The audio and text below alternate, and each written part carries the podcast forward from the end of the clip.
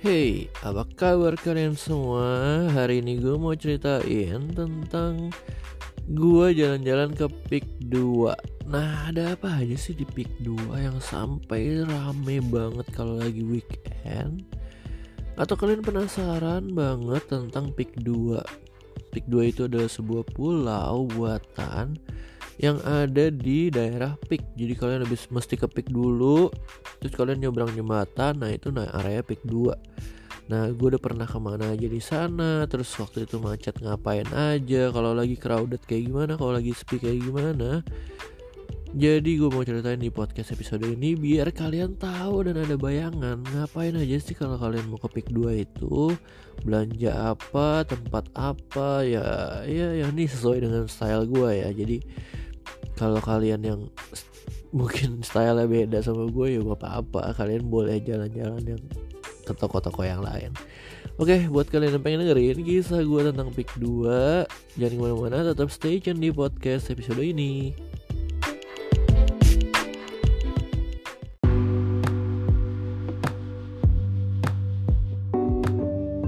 Oke, jadi Pick 2 itu adalah sebuah tempat di daerah Pick yang baru ya. Jadi banyak banget toko-toko ruko-ruko perumahannya juga ada.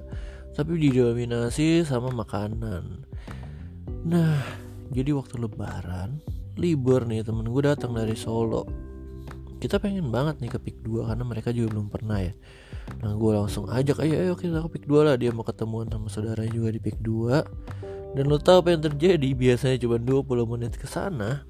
Ternyata kita memakan waktu lebih dari sejam untuk ke sana. Kenapa bisa gitu? Karena gue kasih tahu aja nih.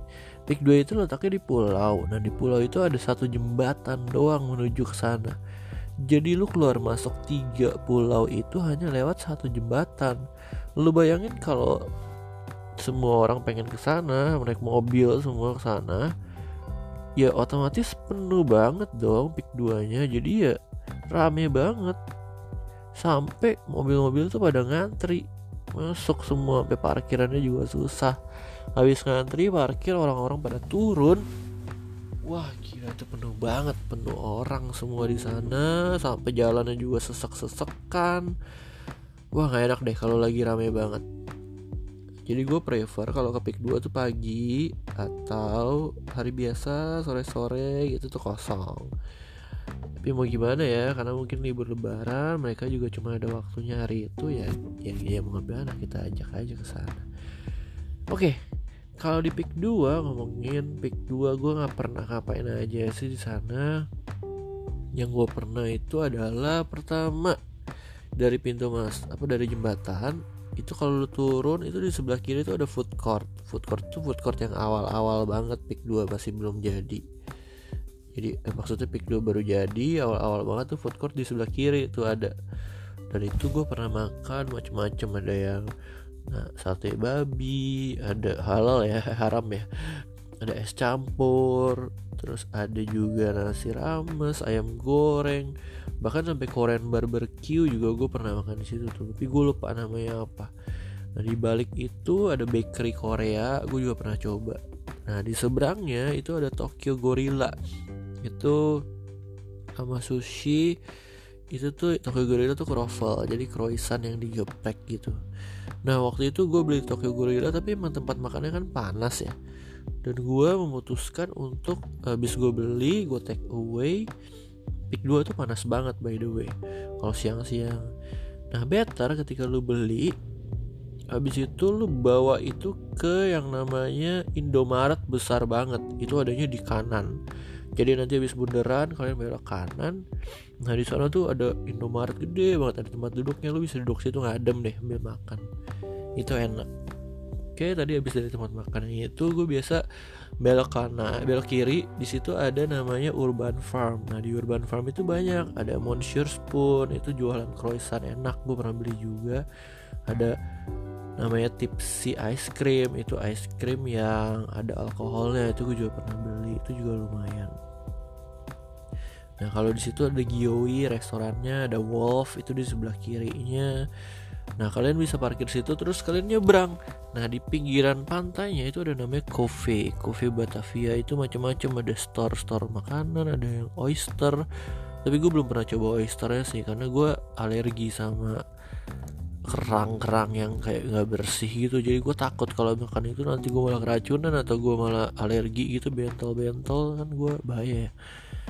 Itu harganya mahal juga sekatu oyster itu kayak lima puluh ribu deh atau tujuh puluh ribu gue lupa Cuma rame sih tempatnya kecil. Nah di sepanjang jalan itu ada ruko-ruko. Ruko-rukonya tuh full makanan. Biasanya gue beli mixu ice cream terus gue beli ice lemon atau ya sekedar ke Indomaret aja beli minuman dingin. Terus kalau mau makan di situ banyak banget restorannya. Ada yang jual nasi goreng apa pun banyak banyak banget ada. Tapi yang nggak terkenal ya.